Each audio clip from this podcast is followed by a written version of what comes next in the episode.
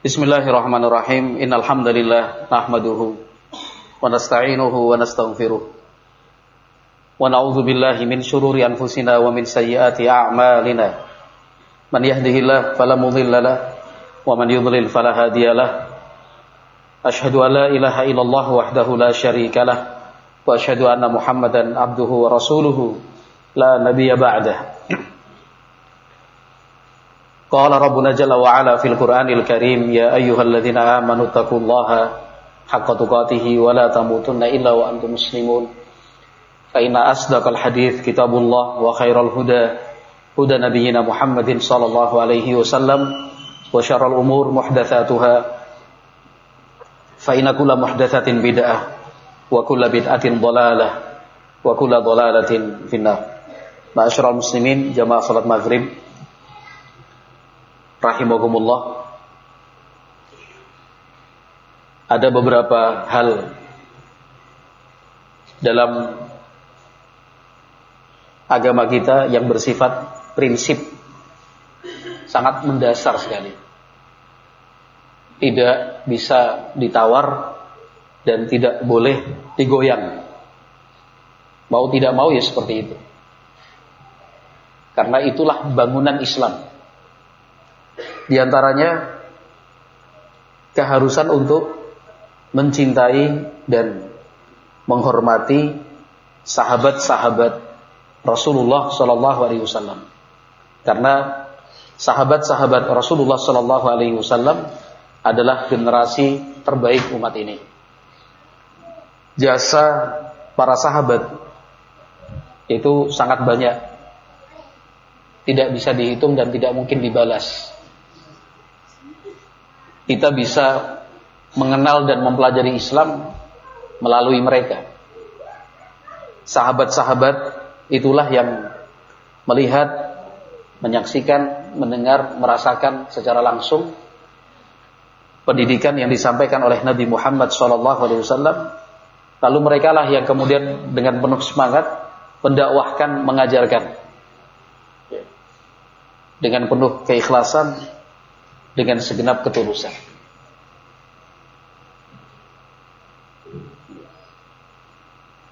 Maka di dalam banyak kesempatan Nabi Muhammad Wasallam menjelaskan tentang kedudukan serta keutamaan mereka. Ya. Ada yang secara umum maupun secara personal satu persatu disebut oleh Nabi Muhammad Wasallam. Oleh karenanya para ulama kita sangat besar perhatian mereka mengenai hal ini. Maka di dalam kitab-kitab akidah selalu dicantumkan pembahasan secara khusus tentang keharusan mencintai dan menghormati para sahabat Rasulullah sallallahu alaihi wasallam.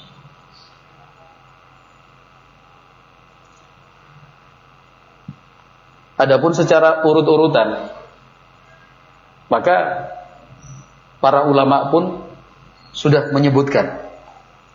Di antaranya adalah Al-Imam Ahmad Abu Abdullah Ibnu Hanbal rahimahullah.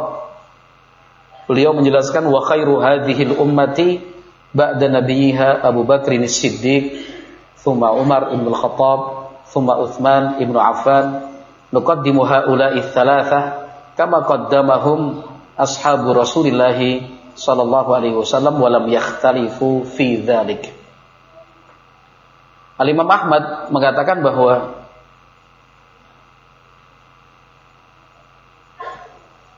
setelah Nabi Muhammad sallallahu alaihi wasallam yang menempati posisi pertama dan paling atas, maka yang terbaik dari umat ini adalah Abu Bakar As-Siddiq, kemudian Umar Ibn Khattab, lalu Uthman Ibn Affan. Jumlah sahabat banyak. Kenapa kita tempatkan tiga sahabat ini di posisi teratas? Kata Imam Ahmad, nukat di muhaula Ya kita dahulukan mereka bertiga, kama qaddamahum ashabu Rasulullah sallallahu alaihi wasallam. Ya karena memang seperti itulah dahulu para sahabat lainnya menempatkan lam yakhtalifu fi dzalik. Tidak ada perbedaan pendapat tentang hal ini. Thumma ba'da haula'i thalathati ashabus syura al-khamsah. Setelah Abu Bakar, Umar, Uthman adalah lima sahabat yang dipilih sebagai ashabus syura, dewan syura. Siapa saja mereka? Ali bin Abi Talib, Az-Zubair bin Al-Awam, Abdurrahman bin Auf, Sa'ad bin Abi Waqqas, Talhah bin Ubaidillah. Kulluhum yasluhu lil khilafati. Kelima sahabat ashabus syura ini semuanya layak untuk menjadi khalifah. Wa kulluhum imamun. Semuanya adalah imam. Wa nadhhabu fi dzalika ila hadits Ibnu Umar mengenai hal ini yang menjadi pegangan kita adalah hadis Ibnu Umar radhiyallahu anhu yang diriwayatkan oleh Imam Ahmad rahimahullahu taala. Demikian juga Imam Al-Bukhari rahimahullahu taala, Sunan At-Tirmidzi dan yang lainnya. Kata sahabat Ibnu Umar, "Kunna na'uddu wa Rasulullah sallallahu alaihi wasallam hayyun wa ashabuhu mutawafirun Abu Bakrin, thumma Umar, thumma Uthman, thumma naskut."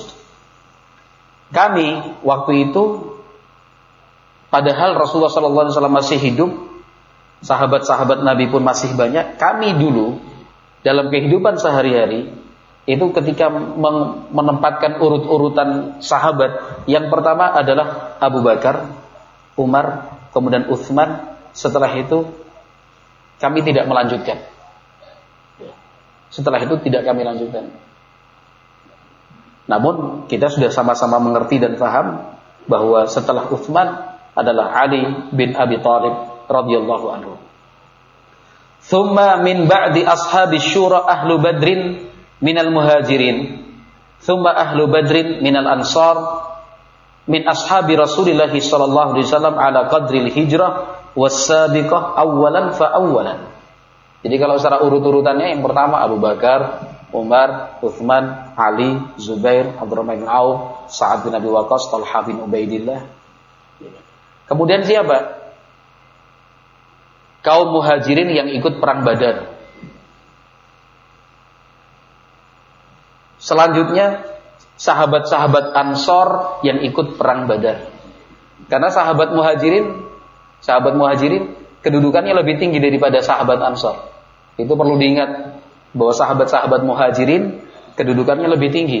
Kenapa? Karena mereka menggabungkan hijrah, menggabungkan jihad bisa bismillah. Selanjutnya adalah secara urut-urutan yang pertama kali masuk Islam. Thumma afdhalun nasi ba'da haula'i ashabi Rasulullah sallallahu alaihi wasallam al-qarnul ladzi bu'itsa fihim. Kemudian urutan yang selanjutnya adalah para sahabat lainnya yang waktu itu Nabi Muhammad alaihi salatu wasallam diutus untuk mereka. Wa kullu man sahibahu sanatan aw syahran au yauman au sa'atan au ra'ahu fahuwa min ashabihi. Setiap orang yang pernah menemani Nabi Muhammad alaihi salatu wasallam setahun, sebulan, sehari, bahkan sesaat sekalipun. Atau dia pernah melihat Rasulullah sallallahu alaihi wasallam dalam keadaan beriman tentunya. Maka statusnya pun sebagai sahabat. Cuma sehari ketemu. Setelah itu pulang. Hanya beberapa jam berjumpa, lalu berpisah. Tapi bertemu dengan Nabi Shallallahu Alaihi Wasallam. Tidak usah bertemu, melihat saja. Itu Rasulullah. Satu jam, beberapa menit lihat Rasulullah. Begini. Beriman ketika melihatnya. Kata Imam Ahmad, lahu minas suhbati ala qadri ma sahibahu maka statusnya sahabat juga. Tapi kalau secara urut-urutan ya sesuai kadarnya masing-masing. Wa kanat sabiqatuhu ma'ah wa sami'a minhu wa nadhara ilaihi nadhrah. Ya. Maka yang paling pertama mengenal Nabi mendengar, melihat itu kedudukannya lebih tinggi. Fa'adnahum suhbatan huwa afdalu minal qarnil ladzina lam yarawhu.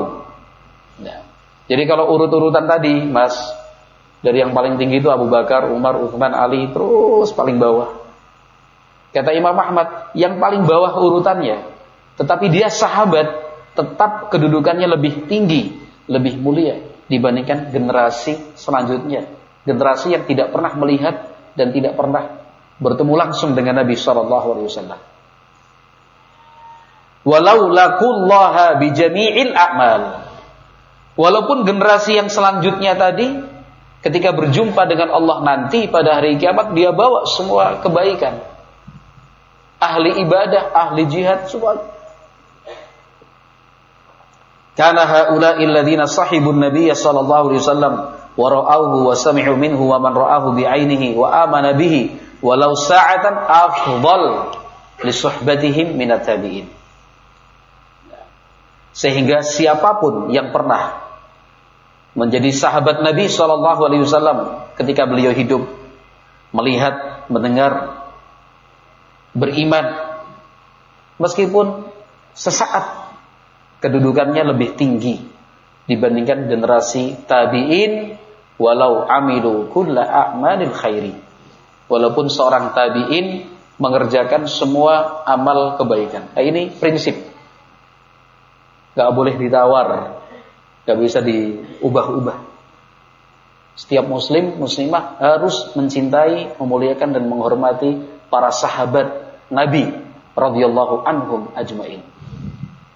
Kalau kita membaca, mendengar, menemukan ada sahabat ada sahabat yang melakukan kesalahan. Melakukan kesalahan. Kita berkeyakinan bahwa kesalahan itu tertutup dengan statusnya sebagai seorang sahabat. Lalu apa perlunya kita membahas kesalahan-kesalahan mereka? Sampai kemudian mencela, merendahkan, menghina. Walaupun satu dari mereka. Ada beberapa aplikasi di Play Store Google itu. Bentuknya e-book. Buku. Gratis. Kalau misalkan di Google Play, Google ya, Google apa itu Play Store itu ya. Itu kan ada buku-buku gratis. Ketika diketik buku sahabat Nabi atau sahabat Nabi, banyak muncul pilihan gratis. Jangan asal download. Jangan asal ambil, wah ini bagus nih, covernya bagus. Jangan asal download. Karena ternyata tidak sedikit buku-buku itu yang isinya mencela dan mencerca sahabat Nabi radhiyallahu anhum ajmain. Tidak semua sih dicerca. Tidak semua dicela. Kalau semua dicerca, semua dicela orang langsung ngerti. Ada pernah kejadian seperti itu. Seorang teman mendownload aplikasi e-book tadi itu. Kalau ini bagaimana Ustaz? Tidak usah pusing-pusing, tidak usah susah-susah memeriksa dari halaman pertama sampai halaman yang terakhir. Iya kan? Buka biografinya sahabat Muawiyah bin Abi Sufyan. Buka biografinya sahabat Amr ibn As. Buka biografi sahabat Abu Hurairah radhiyallahu taala Buka biografi sahabat Ali bin Abi Thalib. Buka sahabat biografi sahabat Abu Musa al-Ash'ari radhiyallahu anhu, buka di situ.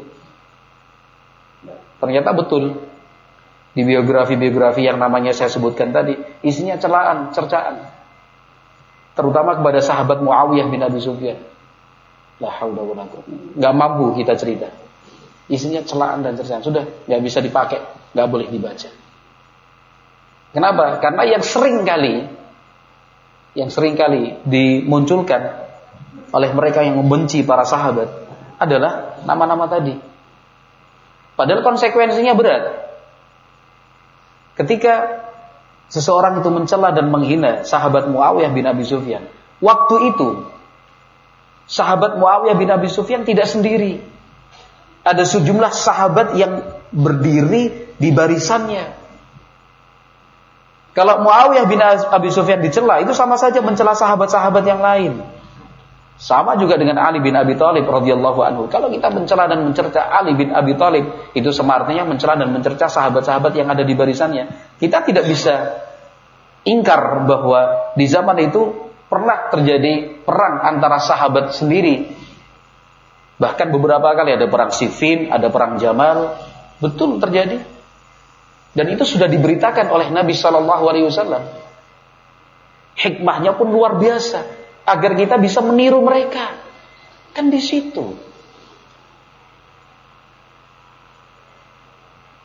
Berbicara tentang para sahabat radhiyallahu anhum ajmain, yang paling berat itu adalah konsekuensinya. Kita sebagai generasi yang jauh setelah mereka mampu ataukah tidak meniru serta meneladani para sahabat radhiyallahu anhum ajmain. Kita angkat sebagai contoh tadi yang terakhir. Peperangan yang terjadi di antara para sahabat itu sendiri. Konflik internal. Para sahabat radhiyallahu anhum ajmain perang betul-betul baku bunuh itu. Ada yang meninggal. Bukan main-main. Darah tertumpah.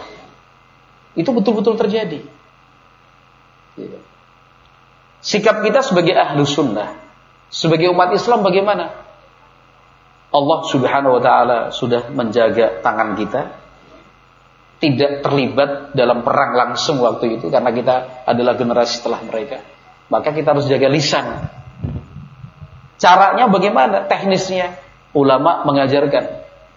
Yakinlah bahwa para sahabat radhiyallahu anhum ajmain semua tanpa terkecuali adalah orang yang paling tepat paling tepat untuk di berlakukan sabda Nabi Shallallahu Alaihi Wasallam. Idza ijtahada al-mujtahid fa asaba falahu ajran wa idza akhta'a falahu. Itu sudah hadis sahih riwayat Bukhari. Selesai. Para sahabat itu adalah orang-orang yang sudah mencapai tingkatan berijtihad. Sepakat gitu. Mereka yang mencapai tingkatan ijtihad kalau benar, pahalanya dua. Kalau salah, pahalanya satu. Selesai. Para sahabat, oh itu perang lawan sini, ini perang lawan sana. Iya, terjadi memang sejarah mencatat. Sekali lagi itu pun sudah diberitakan oleh Nabi Muhammad SAW. Mengenai perang itu semua yang terjadi, kita berkeyakinan yang benar dapat dua pahala. Yang salah dapat satu pahala. Jadi kita tidak punya alasan menyalahkan. Kita tidak punya alasan untuk mencela dan mencerca. mencerca. Ta'udzubillah. Dosa besar kalau mencela dan mencerca mereka. Tapi yang dibicarakan adalah substansinya. Intinya apa sih? Hikmah dibalik ini semua itu apa? Itu yang mesti kita pelajari. Bukan kemudian tenggelam dalam apa pembicaraan ini perang lawan ini, ini sampai gini ini sampai gini. Enggak. Hikmahnya. Apa hikmah di balik itu semua? Yang menjelaskan justru sahabat itu sendiri. Sebagian sahabat mengatakan kami dulu tidak pernah bisa memahami praktek dari firman Allah Subhanahu wa taala wa in ta'ifatani minal mu'minina iqtatalu fa aslihu bainahum kami dulu memahaminya gimana ini? Wa in ta'ifatani minal mu'minin kalau ada dua pihak sesama orang-orang yang beriman, coba. Dua pihak sama-sama beriman. Pihak pertama beriman Allah sebut, pihak yang kedua pun Allah katakan beriman. Iya. Minal mu'minin, minal mu'minin iktatalu perang fa aslihu bainahuma. Damaikan kami baru, oh ini hikmahnya. Memahami dan mengaplikasikan perintah Allah Subhanahu wa taala untuk mendamaikan. Tidak akan pernah bisa dan tidak akan mungkin kita temukan orang-orang terbaik seperti para sahabat radhiyallahu anhum ajmain. Gak mungkin. Tapi paling tidak kita berusaha untuk meniru. Kalau tidak bisa secara keseluruhan ya sebagian besarnya cobalah ditiru dan dipraktekkan. Perang terjadi, dua pihak bertemu di siang hari. Di siang hari ketemu. Malam atau besoknya bersaudara lagi. Itu para sahabat perang dari dua pihak ketemu. Perang sudah bunuh-bunuhan, selesai perang, bersahabat lagi tanpa dendam, tidak ada benci. Ya itu tadi salah paham. Apalagi ada pihak ketiga yang provokasi. Suasana malam masing-masing di perkemahannya Pihak pertama dengan perkemahannya, pihak kedua dengan perkemahannya.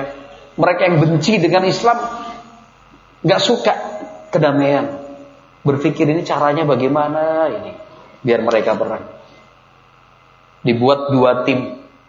Satu tim buat kekacauan di sini, satu tim buat kekacauan di sana. Setelah kacau teriak, "Woi, kita diserang sana." Sini juga teriak, "Woi, kita diserang dari sana."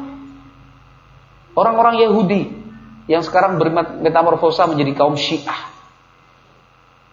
Nggak suka damai begitu. Ini buat kericuan, bakar tenda, bakar kemah, bikin ribut. Lalu berteriak, kita diserang pasukannya Ali. Ya akhirnya karena memang suasana sedang berada depan, wah curang mereka.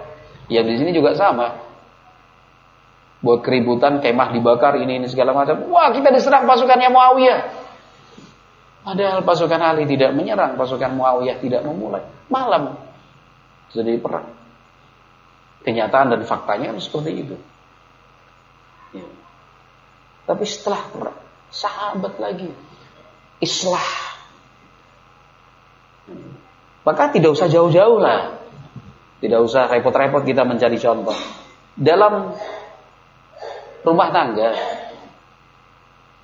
kakak beradik orang tua dan anak sepupu dengan paman suami dan istri terapkan ayat ini mencontoh para sahabat radhiyallahu anhum ajmain kakak beradik berkelahi ya sebagai orang tua ambillah sebuah keputusan untuk mengislahkan jangan ah nanti kan juga baikan sendiri. Ya nggak mungkin. Mesti dibantu, harus dipandu. Supaya kakak dan adik ini bisa islah. Bisa berdamai kembali. Tanpa menyisakan ganjalan di hati. Sepupu dengan sepupu, paman dengan paman, palik dengan bude. Misalnya. Terapkan. Di lembaga pendidikan juga seperti itu. Islah mencontoh para sahabat radhiyallahu anhum ajmain. Itu yang paling berat konsekuensi dari mencintai dan menghormati para sahabat adalah meniru serta meneladani mereka untuk kehidupan kita sehari-hari. Contohnya tadi, islah. Islah itu damai lah. Damai itu ah, lupakan semua yang ada. Yang lalu-lalu, yang jelek-jelek itu. Salah paham, prasangka yang buruk, emosi. Ya kan? apa salah informasi dan itu. Ada dendam dan benci di situ. Hilangkan itu semua. Ya contohnya tadi di lingkup rumah tangga. Bisa juga di lingkup pendidikan. Di lingkup pendidikan. Dan itu. Seorang santri dendam sama gurunya. Seorang guru tersinggung dengan ucapan santrinya. Seorang santri dengan santri yang lain Coba.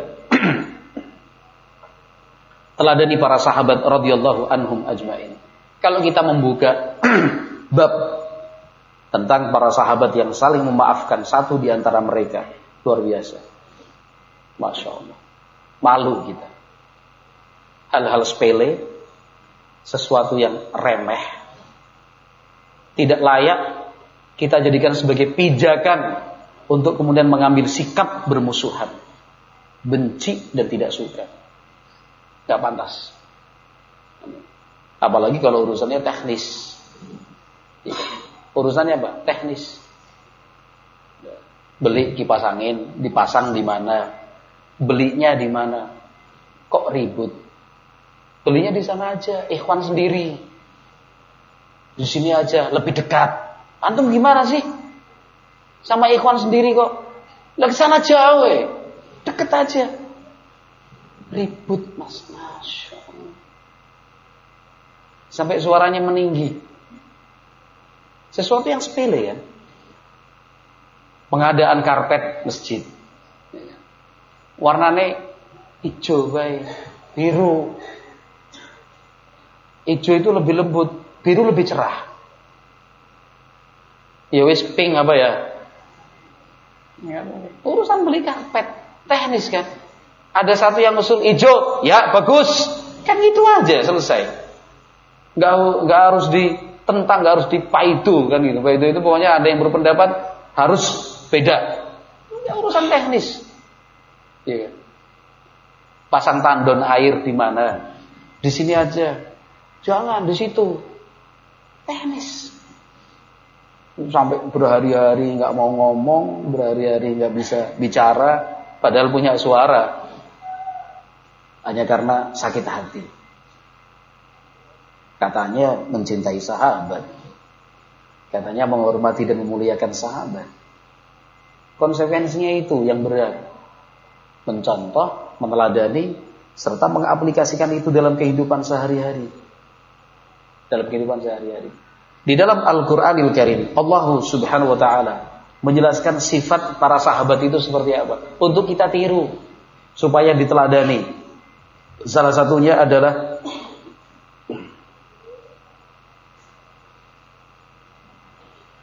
Di dalam surat Al-Hasyr ayat 8 Allah berfirman lil fuqara'il muhajirin alladzina ukhriju min diyarihim wa amwalihim yabtaghuna fadlan minallahi wa ridwana wa yansuruna Allah wa rasulahu ulaika humus. Ini pujian untuk sahabat kalangan muhajirin. Allah menyatakan lil fuqara'il muhajirin untuk orang-orang fakir dari kalangan muhajirin. Yang namanya muhajirin itu identik dengan kefakiran. Orang yang hijrah, orang yang hijrah, itu artinya dia nggak punya apa-apa. Identik ya, identik itu hampir sama. Ya, tidak menutup kemungkinan ada yang tidak. Tapi rata-rata seperti itu. Kenapa? Karena mereka ukhriju min diarihim wa amwalihim. Mereka terusir secara langsung ataupun tidak langsung. Terusir dari mana? Kampung halamannya sendiri. Terusir dari harta benda yang dia miliki. Hijrah di zaman dulu nggak bisa bawa barang banyak, nggak mungkin bawa apa namanya perkakas dan perabot rumah tangganya. Karena orang yang hijrah itu tidak melalui pesta pelepasan, tidak ada istilah apa namanya pisah sambut itu nggak ada. Orang yang hijrah itu harus diem-diem. Apa yang bisa dibawa dibawa. Sesimpel mungkin, sesederhana mungkin. Harta bendanya dia tinggalkan, tanahnya, rumahnya, usahanya, dia tinggal. Dia tinggalkan itu. Kenapa? Ya betahuna fadlan minallahi wa Karena yang mereka cari adalah keutamaan dan keridhaan dari Allah Subhanahu wa taala wa wa rasulah. Mereka tolong agama Allah. Mereka tolong Rasulullah sallallahu alaihi wasallam. Ulaika humus. Ini baru orang yang jujur. Tiru teladani.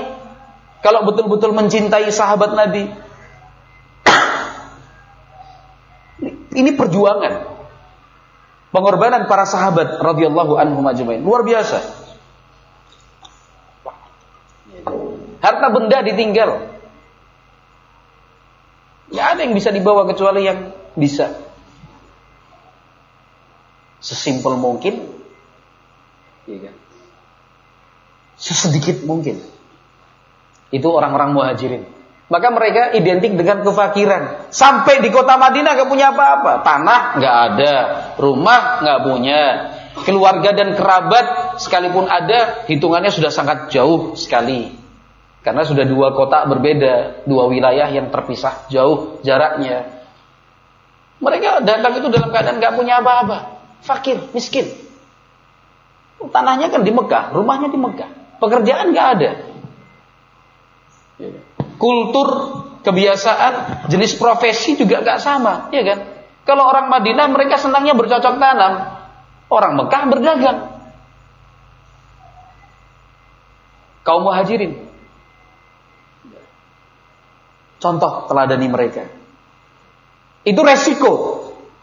Siapa pun yang ingin mengikuti para sahabat untuk berhijrah, resiko pasti miskin. Ada di antara kita yang dulu kerja di sebuah perusahaan. Akhirnya dia resign, mengundurkan diri. Kenapa? Karena dia ditugaskan di bagian pengurusan pajak. Pimpinan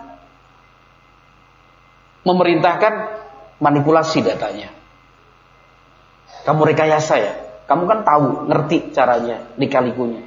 Tahun pertama, tahun kedua karena gak ngerti ngaji, yang ini dimarkup bukan cuma masalah pajak akhirnya sudah isinya kebohongan-kebohongan mereka ya data nggak mungkin punya aset 10 ditulisnya 5 punya investasi di sebuah tempat sekian banyak dia tulis separohnya aduh nggak bisa keluar dia. kerja di sebuah perusahaan bagian marketing mau tidak mau ketika melaksanakan tugas untuk marketing memasarkan. Ya. Yang dia temui beraneka ragam orangnya. Perintah dari atasan sesuaikan calon pembeli itu. Yang satu minta ketemuan di mall. Ya, di mall. Ketemu, Masya Allah. Cewek cakep. Berikutnya lagi yang lain telepon, Pak, bisa ketemuan saya tertarik dengan barangnya Bapak. Ketemuan di mana? Di kafe. Yang ini di sini, yang ini di sini. Lama-lama, aduh, gak bisa. Resign, mengundurkan diri. Yang lain kerja di lembaga keuangan yang prinsipnya riba. Yang asuransi, yang bank. Ya. Kemudian apa bantuan finansial, hutang piutang, finance, ya kan. Uh, sudah punya banyak prestasi. Tapi akhirnya dia ngerti, paham, ini nggak boleh ini. Dia tinggal di sebuah lingkungan yang tidak mendukung untuk beribadah. Kanan kiri benci, muka belakang nggak suka. Iya, dia sebagai orang tua sabar. Anak-anaknya itu contoh-contoh nyata dalam kehidupan sehari. Akhirnya dia tinggalkan. Kalau dia tinggalkan itu semua, dia sudah resign mengundurkan diri, dia pindah ke tempat yang lain. Kok kehidupannya secara ekonomi lemah? Dia lebih terlihat sebagai orang miskin padahal kaya raya. Itu resiko. Bukan cuma Anda, para sahabat kaum muhajirin lebih dari itu. Resiko. Itu resiko dari kita, konsekuensi dari kita mencintai dan menghormati para sahabat radhiyallahu anhum ajmain. Lah orang-orang Ansor, penduduk asli kota Madinah, Allah berfirman walladzina tabawwa'u dara wal imana min qablihim yuhibbuna man hajara ilaihim wa la yajiduna fi sudurihim hajatan mimma utu wa yu'thiruna ala anfusihim walau kana bihim khasasah wa man yuqa nafsihi fa ulaika humul muflihun Orang-orang Ansor, penduduk asli kota Madinah, mereka menyiapkan tempat mereka juga beriman terlebih dahulu yuhibbuna man hajara ilaihim menerima dengan lapang dada kedatangan saudara-saudara mereka kaum muhajirin. Tidak merasa terganggu, tidak merasa terbebani. Waduh, kok segini banyak orang datang ke sini? Kita, jangankan kedatangan dua keluarga, tiga keluarga, kedatangan tamu nginep tiga hari tiga malam di rumah aja udah. Aduh, pengeluarannya berapa ini? Nyiapkan sarapan, makan siang, makan malam, nganter ke sana, nganter ke sini, tamu baru tiga hari tiga malam. Mereka yang datang itu bukan cuma satu dua orang, bukan sehari dua hari, berbondong-bondong keluarga-keluarga, disambut, diterima. Antum tahu pengungsi sebagai contoh dan gambarannya? Kalau terjadi bencana misalkan akhirnya pemerintah katakan putuskan ayo harus mengungsi. Mengungsi, mengungsi ke kampung kita. Ditempatkan di mana mereka pengungsi? Dibuatkan di tenda, ditempatkan di tenda-tenda darurat. Di kemah-kemah sederhana itu. Para sahabat Ansor tidak seperti itu. Kaum muhajirin datang ke kota Madinah, apa kemudian dibuatkan tenda-tenda darurat? Tidak. Dipersilahkan tinggal di rumahnya. Dipersilahkan tinggal di rumahnya. Diberi tanah. Bukan malah dibisniskan atau dikorupsi. Dikasih tanah cuma-cuma. Ini buat kamu sepetak tanah. Bangun rumah di situ. Saya bantu. Itu kaum Ansor radhiyallahu anhum ajmain. Kita kan juga pernah membaca kan? Saat Ibnu Rabi dan Abdurrahman bin Auf apa keputusannya setelah dipersaudarakan oleh Nabi? Yang satu Ansori, yang satu Muhajiri. Kata saat Ibnu Rabi, begini Abdurrahman bin Auf, saya punya banyak harta, kita paruh dua. Separuh buat kamu, separuh buat saya. Bukan cuma yang ada di kantong sini. Total dari harta yang dia punya, beliau punya, dibagi dua. Kalau asetnya 100 juta bagi 50-50. Nggak ada syarat, nggak ada ketentuan. Dibagi, dikasih. Saya punya istri lebih dari satu. Iya. Saya ceraikan salah satunya, mana yang kamu pilih? Selesai masa idahnya, kamu nikahin dia. Luar biasa. Iya kan? Bukan ya sahabat itu tidak cinta sama istrinya. Jangan dilihat dari yang ini. Bukan karena sahabat itu apa tidak menghormati kaum wanita. Bukan, tidak. Tapi untuk menunjukkan saya saudaramu. Tulus sepenuh hati. Maka Abdurrahman bin Auf mengatakan jangan barakallahu fi ahlika wa malik. Tawaran hartamu nggak usah. Kalau kita ya wah 30% ya seneng. Ini mau dikasih 50%. Abdurrahman bin Auf sahabat Nabi mengatakan enggak, semoga Allah berkahi hartamu, enggak usah. Semoga Allah berkahi keluargamu, enggak usah. Tunjukkan saya pasar di sini di mana? Oh di sana pasarnya. Ya, jazakallah khair, terima kasih. Akhirnya jualan di pasar, dapat untung, punya emas apa seberat sekian digunakan sebagai mahar menikah. Kaya raya jadi pedagang tanpa modal. Iya kan? Kenapa? Yang penting mau menjualkan. Kan begitu. Datang ke pasar, Pak barangnya ini harga berapa ini ini. Ini kalau saya jualkan gimana? Harganya sekian. Ya udah kamu jualin. Ini tisu 10 ribu. Ini berapa tisu satu 10 ribu? Saya jualkan ya. Nanti saya dapat fee. Ya udah nggak kamu jualkan. Yo 12 ribu, 12 ribu, 12 ribu. Ada yang beli 12 ribu, 10 ribu pak, tisunya udah laku 10 ribu. Saya dapat 2 ribu buat saya, ya buat kamu. Kalau ini berapa? 5 ribu. Saya jualkan ya, ya 5 ribu. 7 ribu, 7 ribu, 7 ribu. Laku 7 ribu, 2 ribu masuk. Terus begitu sahabat Abdurrahman bin Auf. Jadi yang namanya usaha itu jangan mikir modal terus. Modalnya pira Orang dadi-dadi orang kerja-kerja. Dua bulan, tiga bulan cuma mikir terus. Lah dua bulan, tiga bulan itu pengeluaranmu berapa mas? Pengeluaran selama dua bulan, tiga bulan itu sudah cukup untuk modal. Yang penting mau kerja, yang penting mau bergerak, yang penting ingin usaha. Kan begitu. Contoh para sahabat radhiyallahu. Ini sahabat-sahabat Ansor, yuhibbuna man hajara ilaihim. Betul-betul mencintai orang-orang orang-orang yang hijrah ke sana. Wala yajiduna fi sudurihim hajatan mimma utu. Tidak ada ganjalan di dalam hati. Wa yu'thiruna ala anfusihim. Bahkan mereka lebih mendahulukan tamu-tamu muhajirin. Saudara-saudara mereka yang datang dari Mekah lebih diutamakan, lebih didahulukan dibandingkan diri sendiri walau kana bihim khasasah meskipun mereka juga punya kepentingan di situ. Ada keperluan tapi enggak sahabat muhajirin yang lebih didahulukan. Wa man yuqashuha nafsihi faulaika humul muflihun barang siapa yang bisa menjaga diri dari sifat kikir, sifat bakhil, maka mereka adalah orang-orang yang buruk. Belum azan ini. Azan Isya belum? Atau baru ini?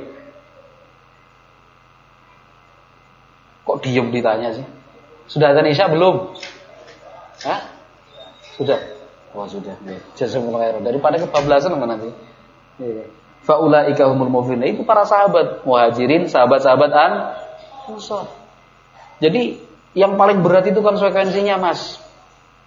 Bukan hanya kita mengerti dan memahami, meyakini ya sahabat itu harus dimuliakan, sahabat itu harus dihormati, sahabat itu nggak boleh dicela, sahabat itu nggak boleh dihina, ya kan? Tapi konsekuensinya bagaimana dalam kehidupan sehari-hari kita bisa mencontoh, meneladani mereka dalam semuanya, ya kan? Seperti tadi beberapa contohnya, wallahu a'lam bishawab kita cukupkan sekian. Subhanakallahumma wa bihamdika asyhadu an la ilaha illa anta astaghfiruka wa atubu ilaik. Assalamualaikum warahmatullahi wabarakatuh.